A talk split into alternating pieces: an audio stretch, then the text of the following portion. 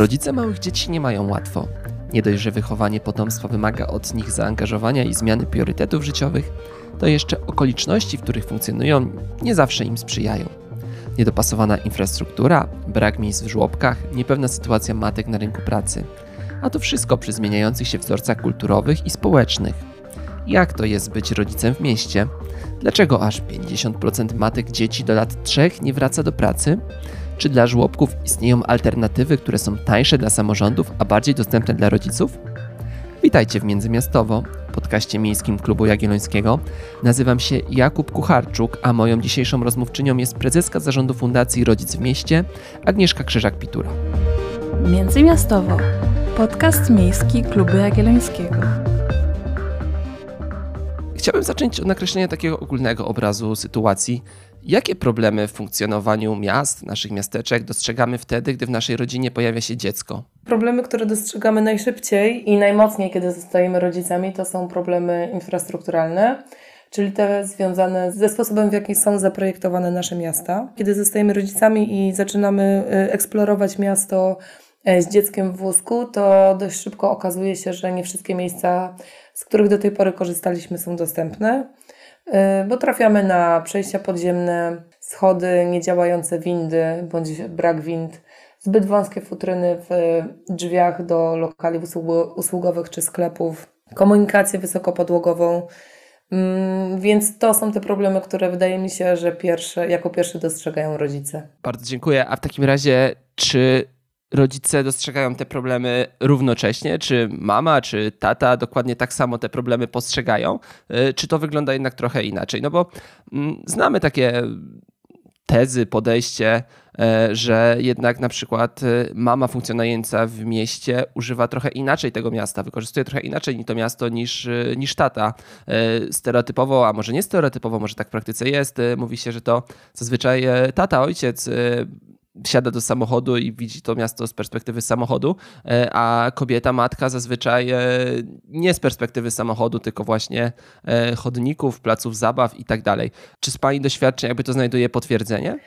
Myślę, że ta różnica no, jakby wynika przede wszystkim też, też z płci. Kobiety inaczej poruszają się po po mieście, to kobiety częściej korzystają z komunikacji miejskiej, więc to na pewno jakby przekłada się też na to, w jaki sposób no, mamy poruszają się po mieście, w jaki sposób robią to ojcowie. Myślę, że ta różnica pewnie wynika też z tego, że jednak w większości, zdecydowanej większości przypadków w Polsce to mama zostaje z dzieckiem przez pierwszy rok jego życia na urlopie macierzyńskim, a później urlopie rodzicielskim. A co za tym idzie, ilość czasu spędzanego z dzieckiem jest zdecydowanie większa niż y, ta, którą z maluchem spędzają ojcowie. A to, co się z tym wiąże, no to są też inne aktywności, bo mamy zazwyczaj y, poza szukaniem atrakcji bądź y, sposobów na wspólne spędzanie czasu, głównie spacerują, ale też robią zakupy, czyli korzystają z tego miasta trochę bardziej jako mieszkańcy. Natomiast ojcowie, jeśli spędzają e, czas z dziećmi, pewnie głównie w weekendy, e, to są to albo takie miejsca dedykowane na, e, na rodzinne spędzanie czasu, czyli place zabaw. W wcześniejszym momencie życia to zapewne są parki. Mm, natomiast jakby myślę, że to głównie wynika ta różnica z doświadczenia miasta właśnie z tego, ile czasu spędza mama, a ile czasu spędza tata z maluchem mm, i też tego, jakiego rodzaju aktywności one podejmują. Y, natomiast dość częstym problemem, z jakim się spotykają tatowie, to jest na przykład brak y, przewijaków w męskich toaletach. Y, I to na pewno możemy wskazać jako tutaj taki element, z którym tatowie, którzy no, aktywnie spędzają czas ze swoimi maluchami, mogą tutaj się czuć w jakiś sposób dyskryminowani. Rozmawiamy chwilę po takim późno jesiennym albo wczesnozimowym e, ataku zimy. E, wiele dróg, chodników przez jakiś czas e, było nieprzejezdnych i to zarówno w tych największych metropoliach z największymi budżetami, jak i w tych mniejszych miasteczkach. Zastanawiam się, czy właśnie takie sytuacje, gdzie ta infrastruktura przestaje być czysta, tak e, przejezdna, e, wpływają na jakby podejście rodziców do tego, jak funkcjonować w tym mieście, czy na przykład, no to pewnie oczywiste jest, że, że w taką pogodę jest mniej spacerów z wózkiem i tak dalej, mm, ale czy dostrzega Pani w też funkcjonowaniu fundacji, ale też w rozmowach z, z, rodzicami, że te problemy jakby są niezauważalne przez e, władze, na przykład samorządowe, urzędników, no bo przecież e, zazwyczaj jest tak, że, że czarne są już drogi, samochody, autobusy przejeżdżają, a te chodniki często oczywiście zależy od rodzaju ataku tej zimy, ale często jak na przykład w tych ostatnich dniach przez długi, długi okres są nieprzechodne, nieprzejezdne. No problem nieprzejezdności chodników dla, dla, rodziców, dla rodziców, którzy się poruszają dziećmi, ale też jakby dla samych dzieci już takich małych, y, ale chodzących. To jest problem, który jest nie tylko problemem zimowym, y, ponieważ no, jakoś tak to jest w naszej kulturze i w naszym społeczeństwie, że pomimo tego, że przepisy są jasno sformułowane i zakazują parkowania na chodniku, a jeżeli są na nim wyznaczone miejsca parkingowe, to, to musi pozostać y, dwa w ekstremalnych przypadkach półtora metra miejsca dla, y, właśnie dla pieszego, no to jakby z e-, egzekwowaniem tych przepisów jest bardzo trudno. Kiedy się pojawia zima, to te problemy się y, napiętrzają na siebie, bo tak jak to sobie rodzice zazwyczaj y, w sezonie niezimowym radzą, to znaczy obchodzą te samochody, często niestety muszą wejść na jezdnię, żeby się przedostać, no to w zimie zaczyna to już być naprawdę bardzo trudne. Czy te problemy są niezauważalne? Wydaje mi się, że one są istnieją świadomości y, władz czy zarządców dróg, natomiast mam takie poczucie, że istnieje y, powszechne przekonanie, że pieszy sobie jakoś poradzi. W związku z tym priorytet na odśnieżanie kładzie się przede wszystkim na jezdnię. I właśnie chyba to jest jeden z celów fundacji, której pani jest prezeską Fundacji Rodzic w Mieście, e, bo jak przygotowywałem się do tej rozmowy, no to właśnie e, ten jeden z wskazanych takich głównych celów e, i też e, jedna chyba z takich głównych działalności, którą można gdzieś tam w mediach zaobserwować, jest właśnie no chyba tak to można nazwać, walczenie o prawa rodziców, o interes i, słyszalność głosu rodziców w mieście. Chciałbym zapytać, może tak trochę przewrotnie, co stoi jakby za potrzebą e, funkcjonowania tej fundacji, jeżeli przecież co do zasady e, większość tych e, rodzin, które funkcjonuje w mieście, kiedyś mała, miała małe dzieci, albo ma małe dzieci, albo dopiero będzie miała małe dzieci. Z czego się bierze to, że ten głos jest jednak, słyszalność tego głosu jest, jest potrzebna i że trzeba to nagłaśniać, tak? Że trzeba się organizować? Mm, wydaje mi się, że to mm, trochę jest tak, że w mm, ograniczonej przestrzeni, jakie, jaką jest miasto, z ograniczonymi zasobami, jakie posiadają samorządy do tego, żeby je y, budować, modernizować i kształtować, y, jest to trochę przepychanka sił. Y, I o tyle, o ile mam poczucie, że środowiska rowerowe od kilku lat mocno zabiegają o swoje interesy, jeszcze trochę się cofając, e, przypominam sobie głośne dyskusje środowisk osób z niepełnosprawnością, które również dopominały się o właśnie dostępność miejską.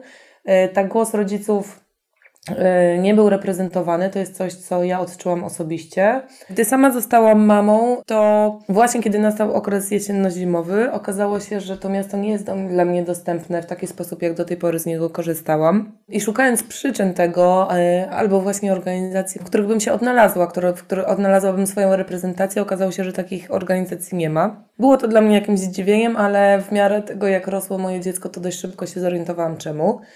Mm, I myślę, że to jest y, bardzo prozaiczny powód. To znaczy, rodzice są w ogóle bardzo zajętą grupą społeczną, co wynika nie tylko z samego faktu y, posiadania dzieci, tego ile czasu i uwagi one absorbują, ale mm, całej logistyki i organizacji, jaka się wiąże z y, dziećmi i z posiadaniem rodziny. Zanim przejdziemy do takich problemów pewnie bardziej instytucjonalnych, chciałem też zapytać, trochę nawiązując do nazwy fundacji, o takie doświadczenia z bycia rodzicem i tego, jak e, to pojawienie się dzieci, dziecka zmienia to, to życie i funkcjonowanie w mieście. E, ostatnio wyszła taka bardzo ciekawa, przynajmniej dla mnie, książka Katarzyny Kajdanek, Powrotnicy, w, w której autorka skupia się przede wszystkim na tych osobach, które wyjechały z miasta w jakimś wieku określonym i potem do tego miasta wróciły, wyjechały na przedmieścia oczywiście, no ale tam ten obraz tych rodziców, którzy stanowią znaczną część, e, e, znaczną część opisywanych historii w książce, e, jest dosyć smutny pod tym względem, że te osoby, które, które właśnie wyjeżdżają z miasta w momencie, gdy to dziecko jest właśnie w planach albo, albo już jest mniejsze i szukają większej przestrzeni gdzieś na przedmieściach, tracą większość jakby swoich aktywności, większość swoich znajomości i to życie, znaczy nie są zadowoleni z tych zmian, e, przynajmniej jeżeli mówimy o tych historiach, które opisała autorka, o tych osobach, które ostatecznie wcześniej lub później do tego miasta powróciły, czując się trochę takim, że to, co było, ten, ten wyjazd, ta wyprowadzka była taka ich życiową porażką. Ale chciałbym zapytać, w jaki sposób, może nie tylko mówiąc o takich osobach, które są zmuszone, żeby zamieszkać na przedmieściach, bo nie stać ich na przykład na mieszkanie w centrum albo, albo po prostu szukają tego większego domu. W jaki sposób zmienia się życie i jakie aktywności przestają być dla takich rodziców e, dostępne po prostu i jak oni też sobie przestawiają i są gotowi na przestawienie tego życia dotychczasowego, które prowadzili przed, przed tym, jak zanim dziecko się pojawiło? Schemat decyzji o wyprowadzce mm, obrzeża miasta wygląda troszkę inaczej niż pan to narysował. Mianowicie, kiedy dziecko jest małe, to to, co oferuje miasto, yy, mam na myśli tutaj przede wszystkim usługi opiekuńcze i takie związane z, z opieką yy, zdrowotną i tym wszystkim, co jest potrzebne w pierwszych okresach życia dziecka. To są rzeczy, które miasto oferuje i wtedy rodzice y, korzystają z tego i, i są zadowoleni z tego życia w mieście. Natomiast kiedy y, dziecko rośnie albo pojawia się perspektywa drugiego y, dziecka, bądź jest już ta dwójka, ale pojawia się taki problem, że Mm, mieszkanie, w którym mieszkamy, okazuje się być za ciasne, albo w perspektywie najbliższych lat oceniamy go jako za ciasne, to wtedy pojawia się ta myśl o tym, żeby wynieść się poza miasto, dlatego że zwyczajnie rodziców nie stać na większe mieszkanie, które zaspokoi potrzeby ich i dorastających dzieci w przyszłości. Biorąc pod uwagę wysokość cen, ale też jakby to, że dostępność kredytowa dla rodzin z dziećmi jest y, dużo niższa niż y, dla osób bezdzietnych, to takim naj, y, najłatwiejszym, najbardziej ekonomicznym i dostępnym rozwiązaniem właśnie okazuje się domek bądź działka, na której wybudujemy się pod miastem. Do tego dokładamy, dokładają się nasze marzenia o tym, żeby mieć kawałek ogródka dostępnego, Mm, właśnie taką przestrzeń dla siebie, dla gości. Mm, czasem rodzice myślą o tym, że być może dzieci będą tam wracać ze swoimi dziećmi i pojawia się ta perspektywa właśnie wybudowania się inwestycji w domek y, bądź segment pod miastem. Zazwyczaj od decyzji do wykonania trwa kilka lat, więc rodzice sobie myślą, że wtedy właśnie dzieci już pójdą do szkoły. Mm, przez pierwsze kilka lat będziemy je podwozić samochodem, a później jak dorosną, to będą same jeździły i same y, jakby no przestaną być zależne transportowo od rodziców. Niestety okazuje się, że rzeczywistość wygląda trochę inaczej. Nie wszędzie dojazd komunikacją publiczną jest dostępny w taki sposób, jak tego dzieci po, potrzebują. Okazuje się, że dzieci na przykład nie mogą wracać y, wtedy, kiedy się kończą zajęcia, kończy się ich szkoła, tylko muszą czekać godzinę lub y, nawet kilka godzin na najbliższy pociąg bądź kolejkę podmiejską. Szybko się okazuje, że starsze dzieciaki nie mają jak wrócić wieczorami po jakichś spotkaniach ze znajomymi, nie wiem, po kinie czy, czy wyjściu na jakąś imprezę. Y, I, y, I powstaje ten problem, który właśnie możemy, o którym możemy poczytać w książce Powrotnicy, czyli problem dzieci, nastolatków, którzy są oderwani zarówno y, ze swojej społeczności szkolnej, do której dojeżdżają, bo nie są w stanie nawiązywać tych relacji, utrzymywać relacji z rówieśnikami, tak jak ich koledzy mieszkający w miastach, a jednocześnie są to też dzieci, które są które nie są zakorzenione w tych miejscowościach, w których mają swoje rodzinne domy, bo praktycznie tam nie funkcjonują, wyjeżdżają z nich bardzo wcześnie, wracają y, bardzo późno. Na to nakładają się wszystkie problemy transportowe związane z zanieczyszczeniem powietrza, które, y, które są związane właśnie z masowym dojeżdżaniem do dużych miast.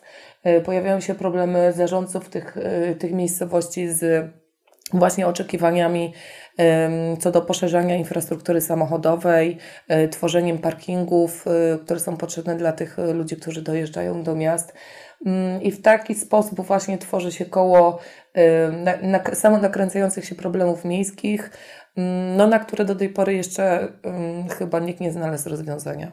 Być może roz, są, tylko nikt się nie zdecydował na, na, ich wdrożenie, jak na przykład y, realizowanie polityki miejskiej, ale to na marginesie.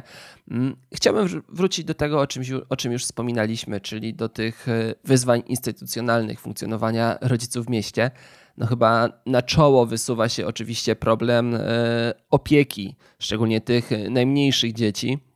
Wiemy, że ta opieka instytucjonalna, szczególnie w tych największych miastach, ale też nie tylko E, jest problematyczna, jest słabo dostępna. Oczywiście mówimy o żłobkach i o tych innych formach, e, więc często niestety wygląda to tak, że mama musi zostać z dzieckiem w domu. E, jest to taki trochę utarty schemat i pewnie dla wielu starszych osób, starszych Polaków jest to coś naturalnego, bo przecież tak zawsze było, że mama zostawała z małym dzieckiem w domu albo z kolejnymi dziećmi, ale czy taki trochę utarty schemat nie wpływa negatywnie negatywnie na funkcjonowanie młodych rodzin, że to jakieś takie przeświadczenie o tym, że jak jest dziecko, to mama zostaje w domu, mama nie idzie do pracy, nie wykrzywia trochę jakby tego podejścia? Oczywiście to jest problem, który wpływa na bardzo wiele mm, aspektów życia społecznego, bo nie tylko e, jednostek, nie tylko rodziny, która, mm, która posiada to dziecko. E, no, brak dostępności mm, do opieki nad dziećmi, e, przede wszystkim w mniejszych miejscowościach, bo jak y, pokazują ostatnie badania GUS-u na przykład, tendencja kobiet jest taka, że w momencie, w którym one y, myślą już w bliskiej, realnej perspektywie o dziecku bądź są w ciąży, to nawet jeżeli y, do tej pory mieszkały w dużych miejscowościach, ale nie były tam zameldowane, mm, bo nie miało to żadnego znaczenia, lawinowo meldują się właśnie w, w mieście, w którym mieszkają, po to, żeby mieć dostęp do Mm, do usług społecznych, między innymi do opieki e, dla dzieci. E, więc, e, więc widać to zapotrzebowanie. No niestety mm, średnio statystycznie wiemy, że w Polsce jedynie 25 dzieci ma, 25% dzieci ma, dzieci w wieku do lat 3 ma dostęp do jakiejkolwiek opieki instytucjonalnej i oczywiście gro tego dostępu to są duże miasta. Y, no i oczywiście, jakby, no jeżeli nie mamy alternatywy, no to alternatywą jest y, porzucenie pracy zawodowej, zawieszenie pracy zawodowej i zostanie z dzieckiem. Najczęściej robią to kobiety z tych, z tych powodów, o których pan, pan wspomniał, czyli z jakichś takich kulturowych wzorców czy, czy stereotypów, które funkcjonują związanych z tym, że nie wiem, tylko mama może się zająć dzieckiem najlepiej, albo mama wie najlepiej, albo dziecko potrzebuje matki. Mm, chociaż wszystkie badania pedagogiczne i psychologiczne pokazują, że jest inaczej. To znaczy, dziecko potrzebuje stałych figur, w tym, mówię cały czas o tym okresie do, do, do trzeciego roku życia w swoim życiu, ale, mm, ale nie musi to być matka i nie musi to być jedna osoba, e, więc równie dobrze to może być tata, bądź może to być, może to być obydwoje rodziców. Mm, często jest e, też tak, że sama mama rezygnuje z aktywności zawodowej albo rezygnuje częściowo, a jako dochodząca opieka to jest babcia. I tutaj robi nam się problem mm, też e, świadczenia nieodpłatnej pracy opiekuńczej przez, e, mm, przez seniorki, również kobiety. To, że kobieta zostaje z dzieckiem, no to oczywiście pogarsza jej sytuację na rynku pracy, bo dużo trudniej jest wrócić do pracy po dwóch, trzech latach przerwy niż po roku.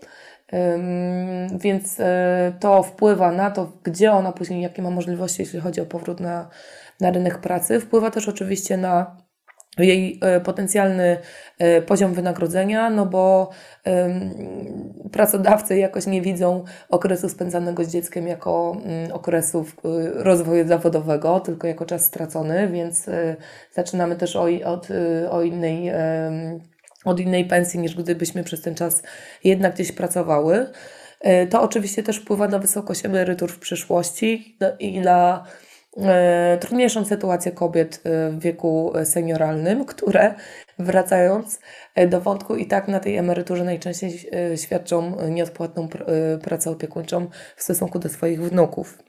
Natomiast, a i oczywiście wpływa to na ogólną sytuację kobiet na rynku pracy, bo jeżeli mamy tak, że jedynie 1% ojców korzysta z urlopów rodzicielskich, to y, nawet jakby najbardziej światły i y, przyjazny rodzinie był pracodawca, no to mając do wyboru kandydata do pracy mężczyznę bądź kobietę, zawsze ta kobieta jest uznawana jako y, pracownik trudny, trudniejszy, bardziej ryzykowny, czyli taki, który będzie jednak znikał z pracy, bo jest dziecko, bądź, bądź pojawi się w przyszłości dziecko.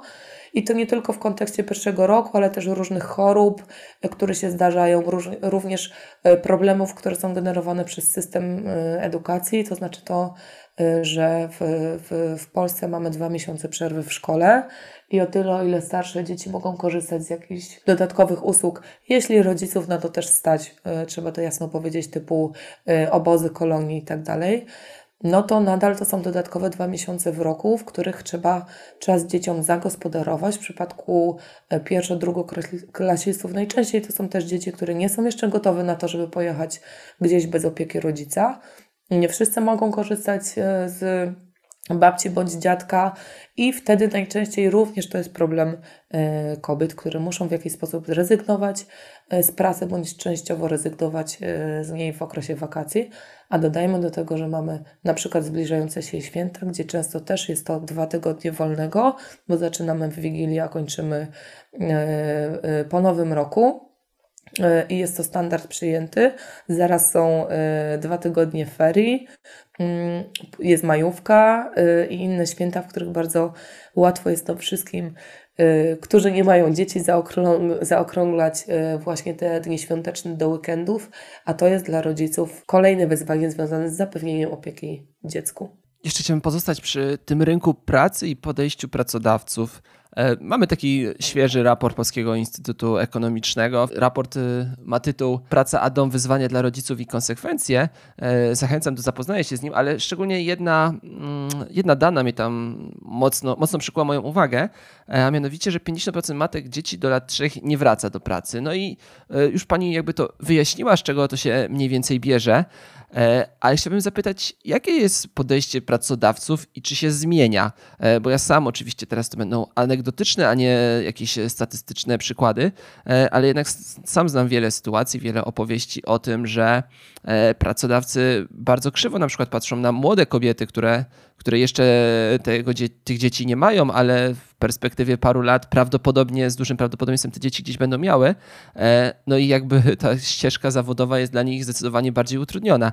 E, no i tak funkcjonuje to nie tylko w tych tak zwanych Janusz Polach, e, ale też w dużych korporacjach, tych międzynarodowych, które funkcjonują w, w naszym kraju.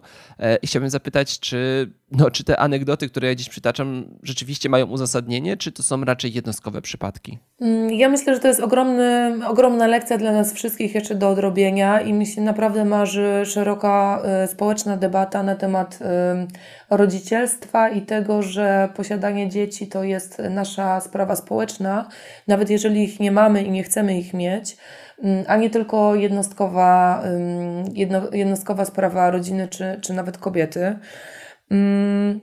Bo to jest tak rzeczywiście, że, y, że nawet kobiety, jak nie mają dzieci, to są już przez pracodawców widziane w perspektywie matek mimo że w ostatnich latach no, niż demograficzny pokazuje nam, jakby nie tylko spełnia prognozy demografów, że dzieci się rodzi coraz mniej, ale coraz głębiej prowadzone badania w tym obszarze pokazują nam złożoność tych decyzji e, związanych z nieposiadaniem dzieci. I to nie jest e, tak, jak się powszechnie mówi, jeszcze nadal, że ktoś nie ma dzieci, bo nie chce, jest egoistyczny, jest nastawiony na swoją karierę.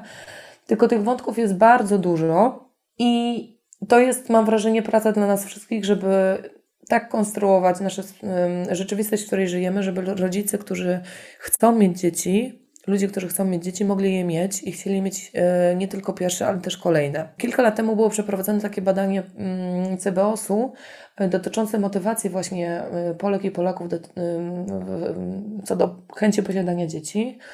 Mm, I ta motywacja osób bezdzietnych jest bardzo wysoka, to znaczy na poziomie 80-85% młodych Polaków deklaruje, że chce mieć dzieci. To są zarówno kobiety i mężczyźni. I taki swój wymarzony model to jest, y, to jest 2 plus 2 bądź 2 plus 3. Y, Więc y, myślę, że tutaj na tle Europy jesteśmy nadal ewenementem, jeśli chodzi o te deklaracje.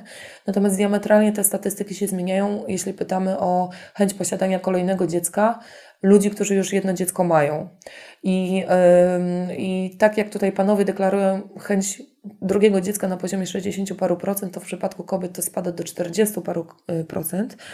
I to wynika właśnie już z tego, że rodzice, a przede wszystkim kobiety, doświadczają tego, jak to jest trudne. To znaczy, jak dużo zmienia dziecko y, w życiu kobiety, zarówno nie tylko jakby w tym procesie, że ona zostaje matką i to jest naprawdę bardzo duże wyzwanie wychowywać młodego człowieka, no to jakby jak zmienia się jej postrzeganie przez pracodawcę, y, przez społeczeństwo, jak zmienia się jej możliwość jej samodzielnego podejmowania decyzji co do tego, co ona by w życiu chciała robić, a co może faktycznie robić. Dlatego tutaj kobiety, które mają już pierwsze dziecko, zdecydowanie nie chcą mieć kolejnych. I myślę, że to jest duży obszar do, do, do zagospodarowania dla nas wszystkich. I pracodawcy tutaj oczywiście odgrywają ogromną rolę. Czy to się zmienia? Bardzo bym chciała powiedzieć, że tak. My pracując z firmami też widzimy pewien postęp, szczególnie właśnie w korporacjach, które z jednej strony mają gdzieś zachodnie standardy narzucane i chcą tutaj no też wykazywać się dobrymi praktykami z Polski, mm, ale też y, korporacje spotykają się coraz częściej z takim problemem, że zwyczajnie brakuje im kobiet na stanowiskach kierowniczych. I y, jak brakuje kobiet, ponieważ nie ma ich u nas w pracy, w, naszym, w, naszy, w naszej firmie, w naszym środowisku pracy, ponieważ nie mają wystarczającego doświadczenia zawodowego, żeby zostać właśnie y, powołaną na stanowisko kierownicze bądź zarządcze, no to trudno jest mówić o różnorodności w miejscu pracy i różnorodnym y, zarządzaniu firmą i wszystkimi korzyściami, które z tego płyną. A tych kobiet nie ma na stanowisku y, kierowniczym, nie mają takich kompetencji, ponieważ one w momencie, w którym zostają matkami, wypadają z tego rynku pracy, wypadają z samej pracy wypadają z systemów premiowych, y, wypadają też z takiego kulturowego środowiska pracy, to znaczy tego, że nie wiem, spotkania biznesowe odbywają się często na kolacjach, a kobieta na kolacji już nie może być, ponieważ ma w domu dzieci. Y, albo nie jest w stanie tak y, być dyspozycyjna, jeśli chodzi o weekendy bądź nadgodziny, co jeszcze nadal jest uznawane Y, u nas jako przesłanka mówiąca o zaangażowaniu pracownika, chociaż badania pokazują, że jest zupełnie odwrotnie, że to rodzice, którzy mają ograniczony czas, bo mają obowiązki domowe, są tymi najbardziej wydajnymi pracownikami, bo oni po prostu przychodzą do pracy zrobić swoją robotę. Więc myślę, że my jesteśmy już na takim etapie, że mamy bardzo wiele rzeczy zbadanych. Y, mamy też zbadane na przykład to, że jest spora grupa kobiet, które która decyduje się na późne macierzyństwo, bo chce mieć tą stabilność y, finansową i sytuację zawodową taką, która pozwoli jej później wrócić przynajmniej na ten sam poziom. Ale to, co jest związane z późnym macierzyństwem, to jest też y, taka, powiedziałabym, dojrzałość rodzicielska, to znaczy też bardzo przemyślane i wyedukowane podejście do bycia rodzicem, a to też często powoduje, coraz częściej powoduje taką sytuację, że te kobiety chcą dłużej zostać z dziećmi i nie chcą na przykład wracać już po pierwszym roku, bo wiedzą, że mm, są w stanie i świadomie podejmują decyzję, że chcą zostać z tym dzieckiem dłużej, rok, dwa, trzy. I tutaj też jest pytanie do, do firm, na ile firmy są w stanie, są gotowe swoim wysoko wykwalifikowanym pracownicom dać ten czas trzech lat y, na bycie z dzieckiem, który nie oszukujmy się, no w perspektywie całej aktywności zawodowej jest jakimś tam ułamkiem, ale nadal jest postrzegane jako ewenement i, yy, i mówi się, że te kobiety, które zostają dłużej z dziećmi, no to nie są te aktywne i ambitne zawodowo kobiety, a okazuje się, że wcale tak nie jest. Bardzo dziękuję. Jest jeszcze jeden wątek, który już tak e, na zakończenie naszej rozmowy chciałbym e, poruszyć. E, pojawił się ostatnio raport Centrum Analiz Klubu Jagiellońskiego Alternatywa dla żłobka, system opieki nad dziećmi do lat trzech, gdzie autor raportu wskazuje na tą pewną alternatywę dla tych rodziców, którzy uważają, że żłobek nie jest dla nich, dla ich dzieci, bo jakby dostrzegają e, wady żłobka. Tak zwaną chyba tutaj w raporcie pada słowo instytucjonalizację, czyli właśnie wiele opiekunek, e, też więcej dzieci.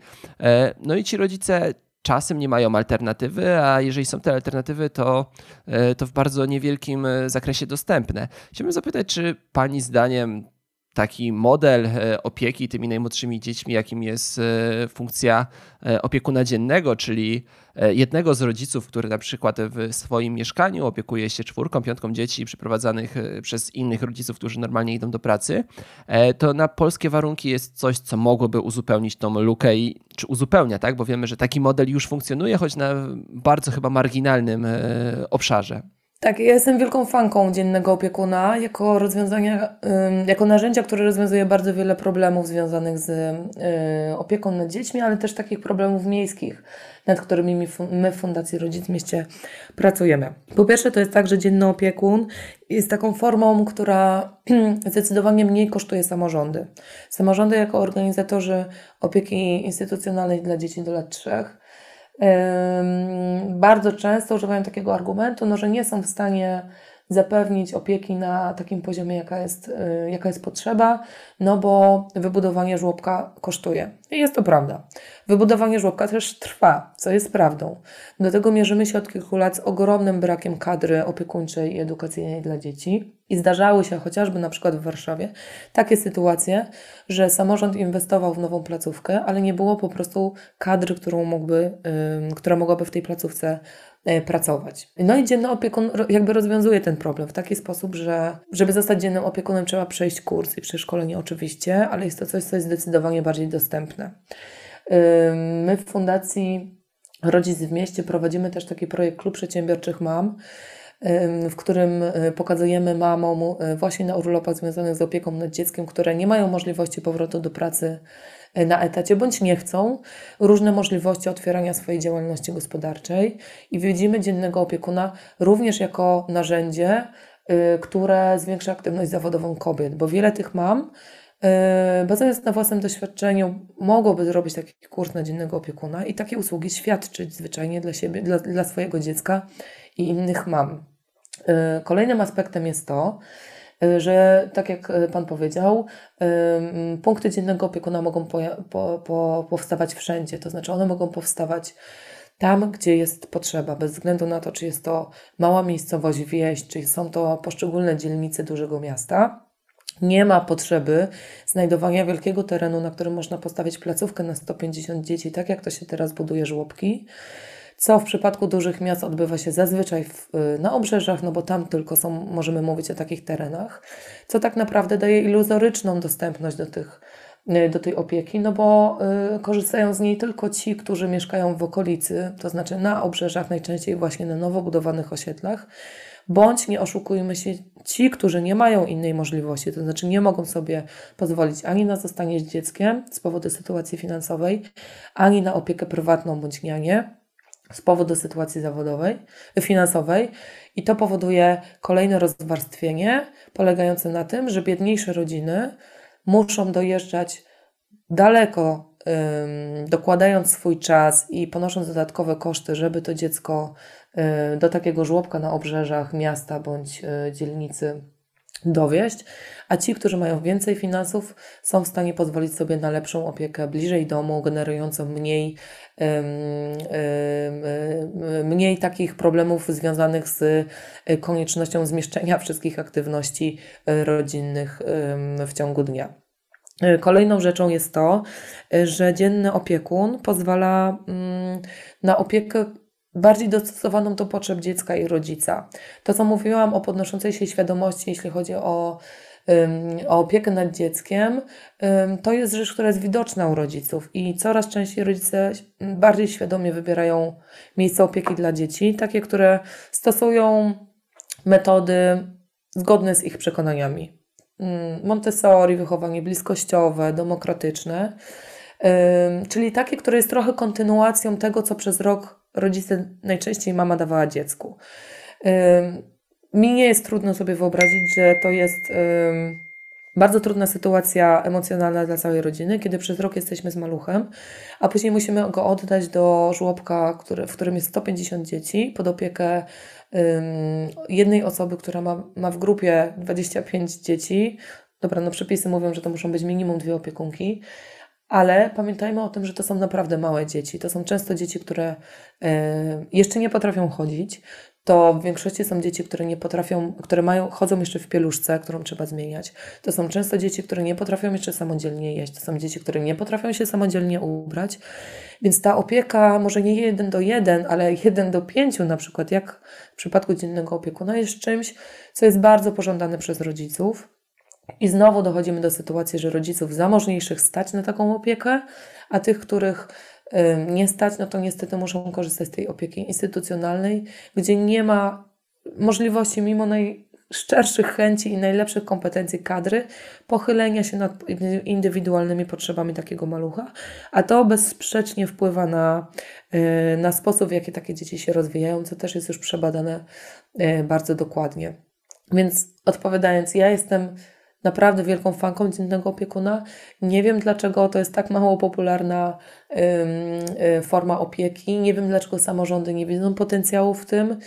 Y, my na pewno y, będziemy działać, żeby uświadomić samorządy, że to jest właśnie coś, w co warto inwestować i że to jest najlepszy sposób na zwiększenie, na faktyczne zwiększenie dostępu do opieki na najmłodszych dzieci. Zapomniałam wspomnieć o jednym aspekcie, który się pojawił popandemicznie, który również przemawia na korzyść dziennego opiekuna, a mianowicie to, że y, jak się pojawiała pandemia, to się jakoś tak zorientowaliśmy, że nie wszyscy pracują w biurze, nie wszyscy pracują od 9 y, do 17 bądź od 8 do 15, tak jak w mniejszych miejscowościach, tylko mamy całe gro zawodów tak zwanych wolnych, usługowych, które mają nienormowane godziny pracy i weźmy pod uwagę, że żłobki pracujące właśnie w określonych godzinach absolutnie nie są formą dostępną dla rodziców, którzy pracują na przykład wieczorami, którzy pracują y, w nienormowanym czasie pracy.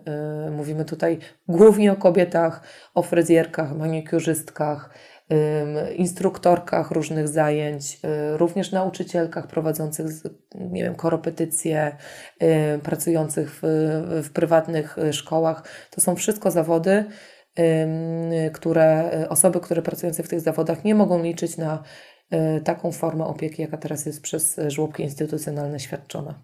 Bardzo dziękuję za tę rozmowę. Moją rozmówczynią w podcaście Międzymiastowo była dzisiaj Agnieszka Krzyżak-Pitura, prezeska Fundacji Rodzic w Mieście. A jeśli chcielibyście przeczytać więcej o modelach opieki nad dziećmi do lat 3, to możecie to zrobić we wspomnianym już wcześniej raporcie Centrum Analiz Klubu Jagiellońskiego, który znajdziecie oczywiście na stronie klubujagielloński.pl w zakładce raporty, ale również na takiej dedykowanej stronie alternatywa dla żlobka.pl. Ten projekt, ten raport y, dofinansowany Został w konkursie ministra rodziny i polityki społecznej oraz pełnomocnika rządu do spraw polityki demograficznej. Po pierwsze rodzina. Ja już jestem po lekturze chyba nie całości raportu, ale e, polecam, bo wnioski są bardzo ciekawe i również e, może wbrew pozorom, a może przeciwnie, e, bardzo zbieżne z tym, o czym często rozmawiamy w Międzymiasto, o właśnie tej dostępności miast, o tym, jak się zmienia funkcjonowanie rodziców w mieście i tego, jak po prostu to życie uczynić łatwiejszym. Ja oczywiście zachęcam do subskrybowania Międzymiastowo i mam nadzieję do usłyszenia w kolejnym odcinku. Międzymiastowo. Podcast miejski Kluby Jagiellońskiego.